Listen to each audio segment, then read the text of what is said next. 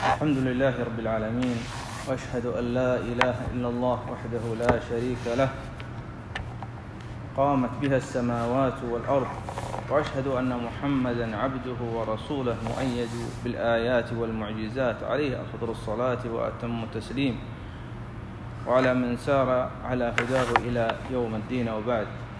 أيها الأحبة في هذا اللقاء سيكون إن شاء الله أسبوعي.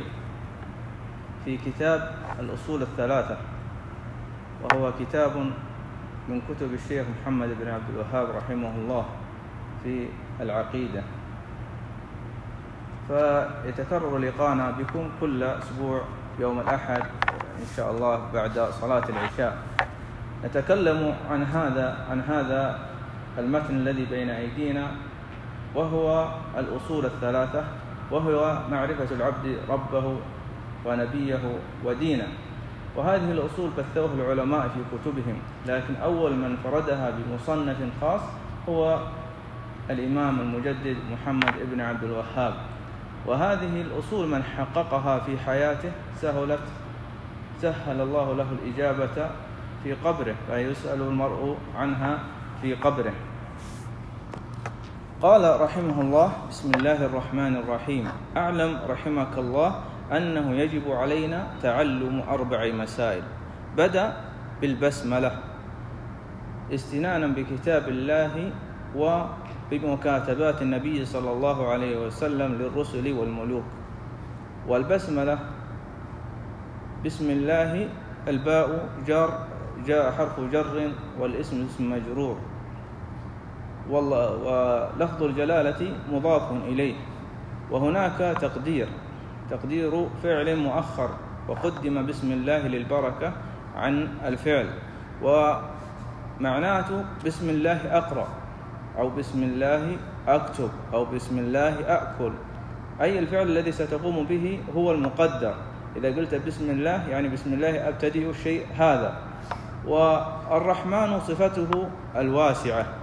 طبعا لفظ الجلالة كل الأسماء تعود إليه. ولم يسمى أحدا به إلا الله سبحانه وتعالى. وقيل أنه هو الاسم الأعظم. والرحمن ذو الرحمة الواسعة. والرحيم الموصل الرحمة وهي صفته. كذلك الرحمن لم يسمى به غير الله سبحانه وتعالى. أما الرحيم فهي صفة. وصف بها النبي صلى الله عليه وسلم ويوصف بها غيره. والنبي صلى الله والله سبحانه وتعالى له مئة رحمة. أنزل منها رحمة واحدة يتراحم بها الناس في الدنيا وادخر تسعا وتسعين يوم القيامة. قيل أن الشيطان عندما يرى رحمات الله سبحانه وتعالى تتنزل يوم القيامة يشرب عنقه ينتظر أن تغشاه رحمة الله. وهذا دليل على عظم رحمة الله سبحانه وتعالى التي تغشى الناس يوم القيامة. فمن علم أن الله رحمن رحيم لا يقنط. من رحمة الله ولكن ينبغي عليه أن يتعرض لهذه الرحمات. قال اعلم رحمك الله والعلم هو إدراك الشيء إدراكا جازما ويفتتح بهذه العبارة اعلم دليل على على أن ما بعدها أمر مهم. قال رحمك الله والرحمة تكون غفران ما مضى والتوفيق في ما استقبل. لكن إذا جمعت المغفرة مع الرحمة أصبحت المغفرة لما مضى والرحمة التوفيق لما يستقبله آه، الإنسان. أنه يجب علينا تعلم أربع مسائل. وهنا الوجوب يكون وجوب عينيا وجوبا كفائيا. الوجوب العيني هو واجب على كل شخص. أما الوجوب الكفائي فإذا قام به هو يكون واجب على جماعة. إذا قام به من آه، قام به بعضهم سقط عن الباقين. مثل رد السلام وجوب كفائي. إذا واحد سلم على مجموعة وأجاب واحد ناب ناب عنه والواجب الأربع مسائل هنا وجوب عيني. يعني يجب على كل مسلم ومسلم أن يتعلم هذه أربع مسائل. طيب كيف نعرف ما هو ماذا يجب على الإنسان أن يتعلمه؟ ويكون عليه عينيا وماذا يكون عليه كفائيا. كل بقدره. لكن هناك أمور مشتركة والقاعدة فيها كل ما وجب عليك العمل به أن تعمل به وجب عليك أن تتعلمه حتى تعمل به على على بصيرة. لأن من يعمل على غير علم شابه النصارى ومن علم ولم يعمل شابه شابه اليهود. وهذه الأربع مسائل يجب على كل مسلم ذكر وأنثى أن يعرفها وأن يتعلمها ولا يسقط ولا يعذر بجهله. إنما الجهل يكون تفريطا منه. وقال المسألة الأولى العلم وهو معرفة الله ومعرفة نبيه ومعرفة دينه الإسلام بالأدلة والعلم هو معرفة خطاب الشارع في المعارف الثلاث. أي تعرف الأدلة دلة الشرع من الكتاب والسنة على المعارف الثلاث على الله ودينك ومن هو نبيك. فهنا لابد تعرف من هم من تعبد ومن هو المرسول إليك وما هو هذا هذا الدين. وهناك قدر في قدر واجب. فالله سبحانه وتعالى يجب عليك فيه أربع. هذه لا لابد أن تعرفها. وما زاد نافلة. أول أن الله موجود. أن تؤمن بوجوده. الثاني توحيد الربوبية. أن الله خالق كل شيء. الأمر الثالث الألوهية توحيد الألوهية وهو أن لا يستحق العبادة غير الله سبحانه وتعالى.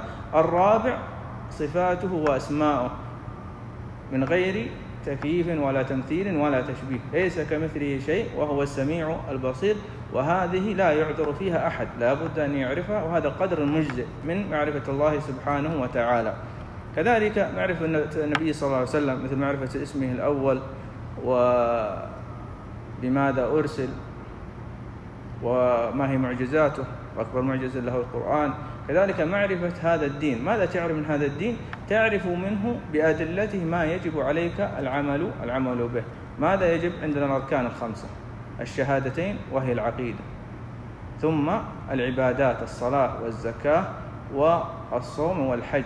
هنا لا يعذر المسلم بجهل منها. كذلك أصول الإيمان الستة. لا بد أن الإنسان يعرف القدر المجزي منها حتى يكمل إيمانه. كذلك من احتاج إلى معاملات البيوع أو غيرها من أي معاملات كذلك آه، الزواج الطلاق كل على حسبه. لابد أن يعرف ما يحتاجه منها فهي تكون بحقه واجبة لا يعذر فيها بالجهل.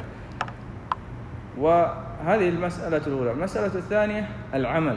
من علم لا بد أن يعمل. وقالوا العلم بلا عمل كشجرة بلا ثمر. يقولون العلم هو الشجرة وثمرتها العمل. فعندما لا تعلم ولا تعمل يكون علمك حجة عليك ومغبة. قد يضرك ولا ينفعك. كذلك الثالثة الدعوة إلى إلى هذا العلم وهذا هو منهج الأنبياء. من علم وعمل يكون لابد أن يكون داعيا إلى هذا. ومن, ومن رأى الناس بحاجة إلى مثل هذا العلم يجب عليه أن يعلمهم إياه وهي من الدعوة أو يكون كتمانا للهدى والبينات. ومن كتم علما ألجمه الله بلجام يوم القيامة. طبعا العلم يكون علم الشرعي أما علم الدنيا فتجوز فيه المقاضاة. ريال بريال. لكن العلم الشرعي هو اللي يقصود وإذا ذكر العلم في الشريعة هو يقصد به العلم الشرعي. وإذا ذكر العلماء هم علماء الشريعة. أما آه، غير ذلك فهي تعبيرات مجازية آه، لا يراد بها العلم. ثم بعد ذلك الصبر. الصبر على الأذى فيه. فمن طلب العلم يحتاج أن يصبر على العلم ومن عمل يحتاج أن يصبر على العمل. صلاة وصيام وزكاة يحتاج تحتاج إلى صبر. كذلك الدعوة لأن من دعا إلى هذا أصابه ما أصاب الأنبياء. من دعا إلى هذا أصابه من أصاب الأنبياء سواء من قريب أو بعيد لا بد أن يلحقه من الأذى إما بقول أو فعل. ولا بد أن يصبر. وقالوا منزلة الصبر في الدين كمنزلة الرأس من الجسد. فلا بد أن يصبر على هذا وهو جماعها. ثم قال والدليل قوله تعالى بسم الله الرحمن الرحيم ثم ذكر سورة العصر. سورة العصر هذه جمعت المسائل الأربع كلها. أقسم الله سبحانه وتعالى فيها بالعصر والعصر هو الوقت آه، وقت صلاة العصر. على الصحيح أنه وقت صلاة العصر وبعضهم فسرها بالدهر وهذا القسم الأول. ثم أكد قال إن هذا توكيد ثاني أول القسم والآن التوكيد. إن الإنسان لفي لفي هذا توكيد ثالث لفي خسر.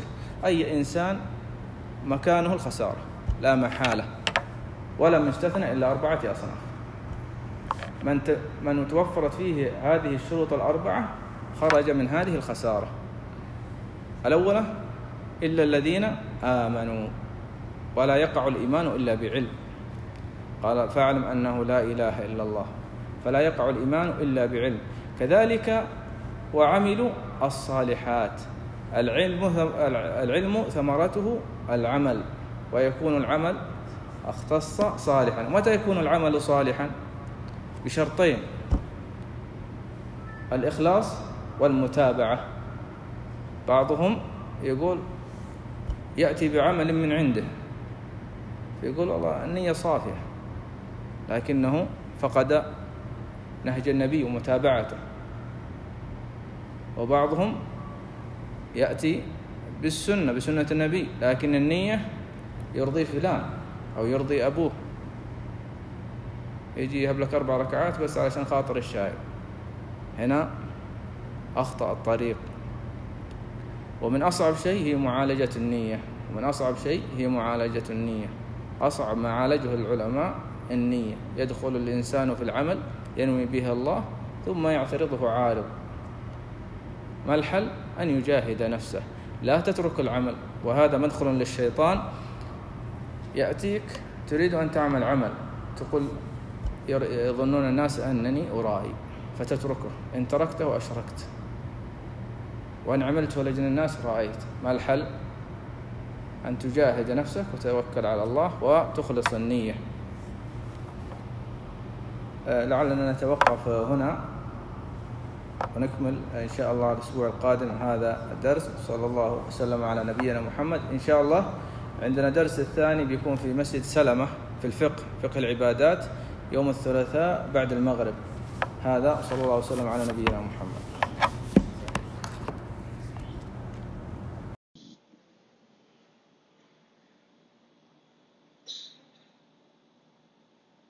إن الحمد لله نحمده ونستعينه ونعوذ بالله من شرور أنفسنا وسيئات أعمالنا. من يهده الله فلا مضل له ومن يضلل فلا هادي له. وأشهد أن لا إله إلا الله وحده لا شريك له وأشهد أن محمدا عبده ورسوله. وصلى اللهم وسلم على نبينا محمد وآله وصحبه ومن تبعهم بإحسان إلى يوم الدين. أما بعد إن خير الحديث كتاب الله وخير, وخير الهدي هدي محمد صلى الله عليه وسلم وشر الأمور محدثاتها وكل محدثة بدعة وكل بدعة ضلالة وكل ضلالة في النار. يا أيها الناس اتقوا ربكم الذي خلقكم من نفس واحدة وخلق منها زوجها وبث منهما رجالا كثيرا ونساء واتقوا الله الذي تساءلون به والأرحام. إن الله كان عليكم رقيبا. يا أيها الذين آمنوا اتقوا الله وقولوا قولا سديدا. يصلح لكم أعمالكم ويغفر لكم ذنوبكم ومن يطع الله ورسوله فقد فاز فوزا عظيما. يا عباد الله إن لنا في رسول الله أسوة حسنة في كل مجال من مجالات الحياة. فلقد بلغ الرسالة وأدى الأمانة وأنار لنا الطريق.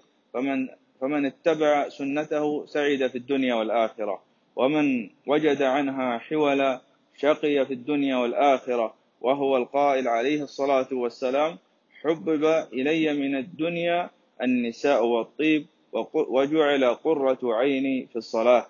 وقال صلى الله عليه وسلم الدنيا متاع وخير متاع الدنيا المرأة الصالحة. وقال الله تعالى والصالحات قانتات حافظات للغيب بما حفظ الله. وسئل عليه الصلاة والسلام قيل يا رسول الله من أحب الناس؟ إليك قال عائشة.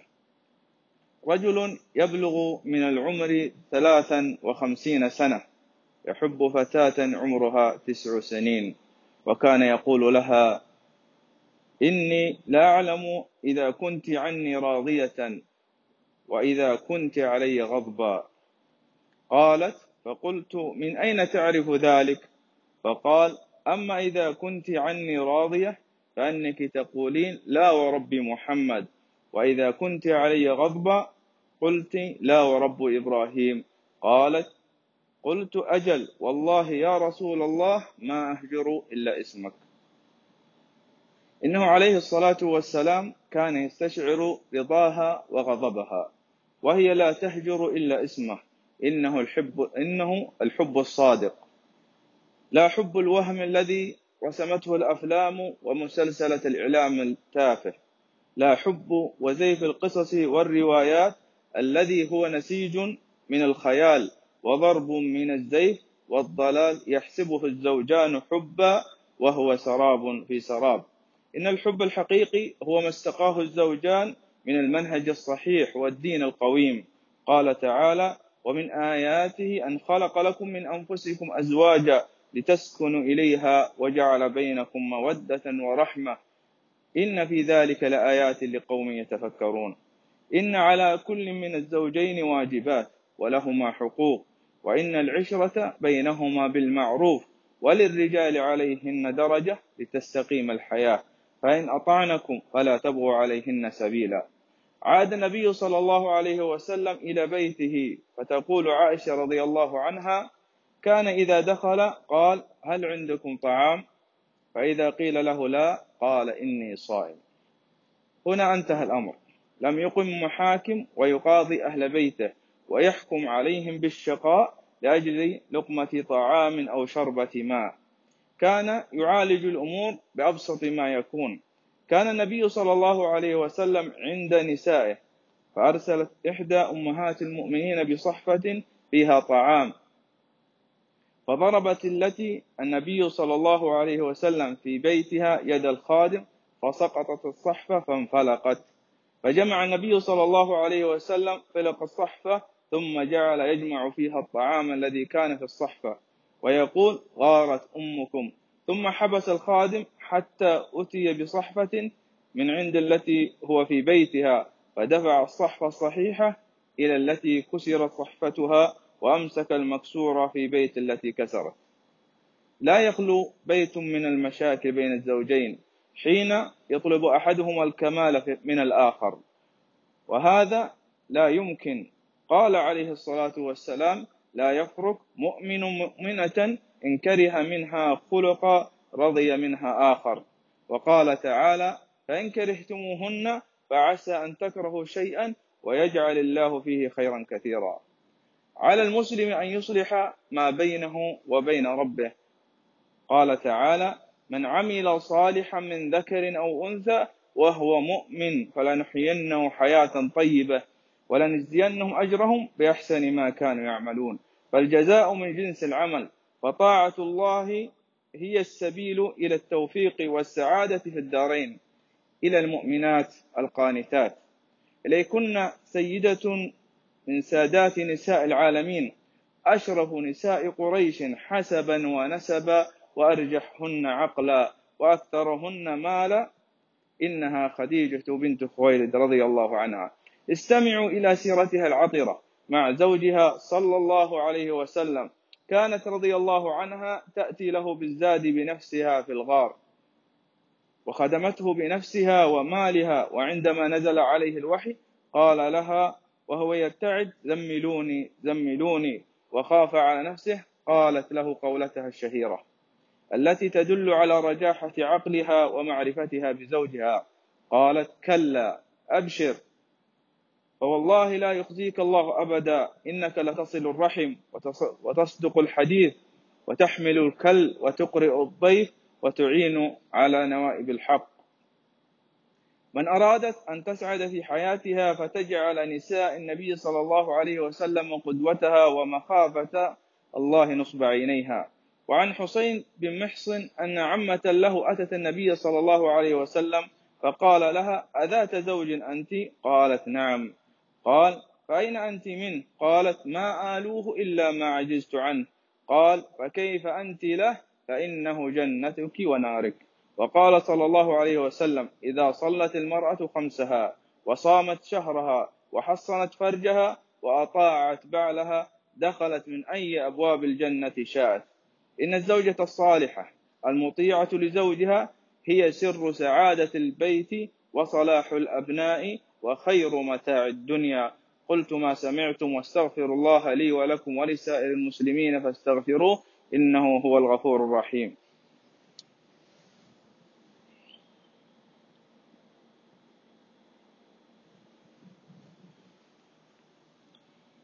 الحمد لله وكفى والصلاة والسلام على نبيه المصطفى وعلى صحبه ومن سار على هداه واقتفى وبعد.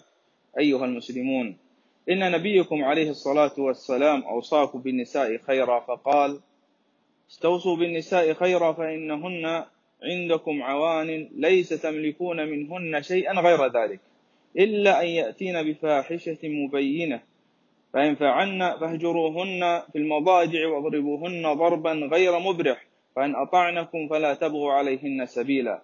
إن لكم من نسائكم حقا ولنسائكم عليكم حقا. فأما حقكم على نسائكم فلا يطئن فرشكم من تكرهون أي لا يدخلن بيوتكم. ولا يأذن في بيوتكم لمن تكرهون ألا وحقهن عليكم أن تحسنوا إليهن في كسوتهن وطعامهن. وبين لكم حقهن وما يجب لهن وما يجب عليهن ولتعلموا رحمكم الله أن الذكر ليس كالأنثى فهناك اختلاف بينهما في التفكير والطباع لتتكاملوا لا لتتنافروا. فالرجل عقلاني والمرأة عاطفية. ومن تعلم عرف فاحرصوا أيها الزوجان على حضور دورات في العلاقة الزوجية أو قراءة كتب موثوقة بها لتعلموا ما ينفعكم ويستبين لكم ما خفي عليكم. عباد الله صلوا وسلموا على خير الورى محمد المصطفى. إن الله وملائكته يصلون على النبي. يا أيها الذين آمنوا صلوا وسلموا عليه وسلموا تسليما. اللهم صل وسلم على عبدك ورسولك محمد وعلى آله وصحبه أجمعين. اللهم أمنا في أوطاننا وأصلح أئمتنا وولاة أمورنا. اللهم جنبنا الفتن ما ظهر منها وما بطن. اللهم هب لنا من أزواجنا وذرياتنا قرة أعين واجعلنا للمتقين إماما. ربنا اغفر لنا ولوالدينا وجميع المسلمين. ربنا آتنا في الدنيا حسنة وفي الآخرة حسنة وقنا عذاب النار. عباد الله إن الله يأمر بالعدل والإحسان وإيتاء ذي القربى وينهى عن الفحشاء والمنكر والبغي. يعظكم لعلكم تذكرون. فاذكروا الله العظيم يذكركم. واشكروه على نعمه يزدكم ولذكر الله أكبر والله يعلم ما تصنعون.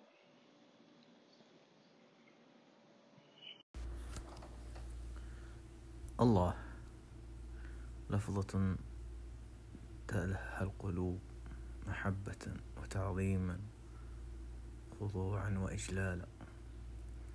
الله خالقنا ورازقنا وكل ما ننعم فيه من خير من نعمه علينا.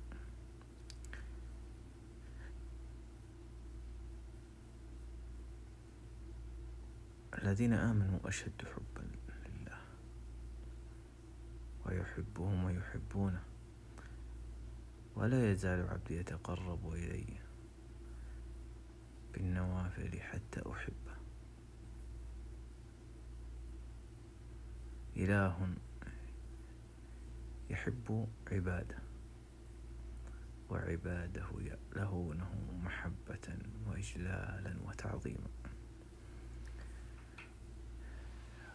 وقال النبي عليه الصلاة والسلام ذاق طعم الإيمان من رضي بالله ربا. الرضا بالله بتعظيم أسمائه وصفاته وإجلاله وتعظيمه. الرضا به يورث في القلب محبة لله سبحانه وتعالى. هنا تجد طعم الإيمان.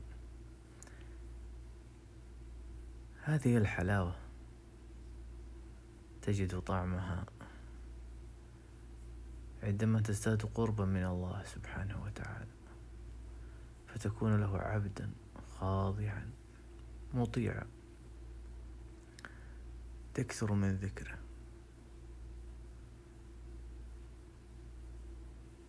تخلص في عبادته.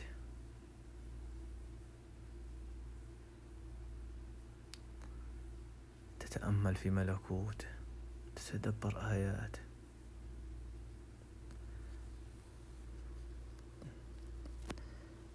تنظر كم أنعم الله عليك. كيف يحفظك؟ في يقظتك في منامك في حركتك في سكونك.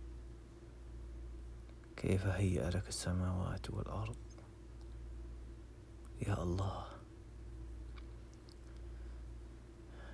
إنه سبحانه وتعالى خالقنا وجاعلنا هي عبيدا. إن سر سعادتنا في عبادته.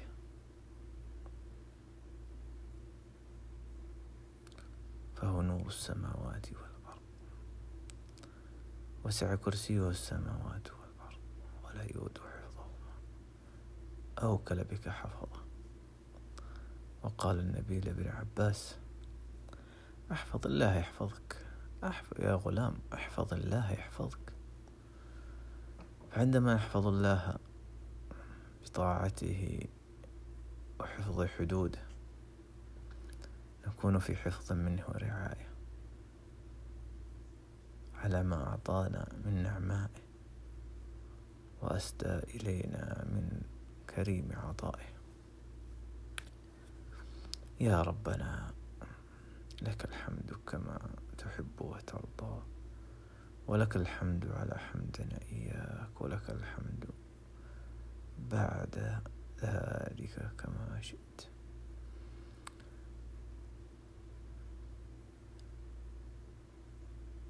يستحق منا أكثر شيء نذكره ونفكر فيه. فإذا قضيتم مناسككم فاذكروا الله كذكركم آباءكم أو أشد ذكرًا.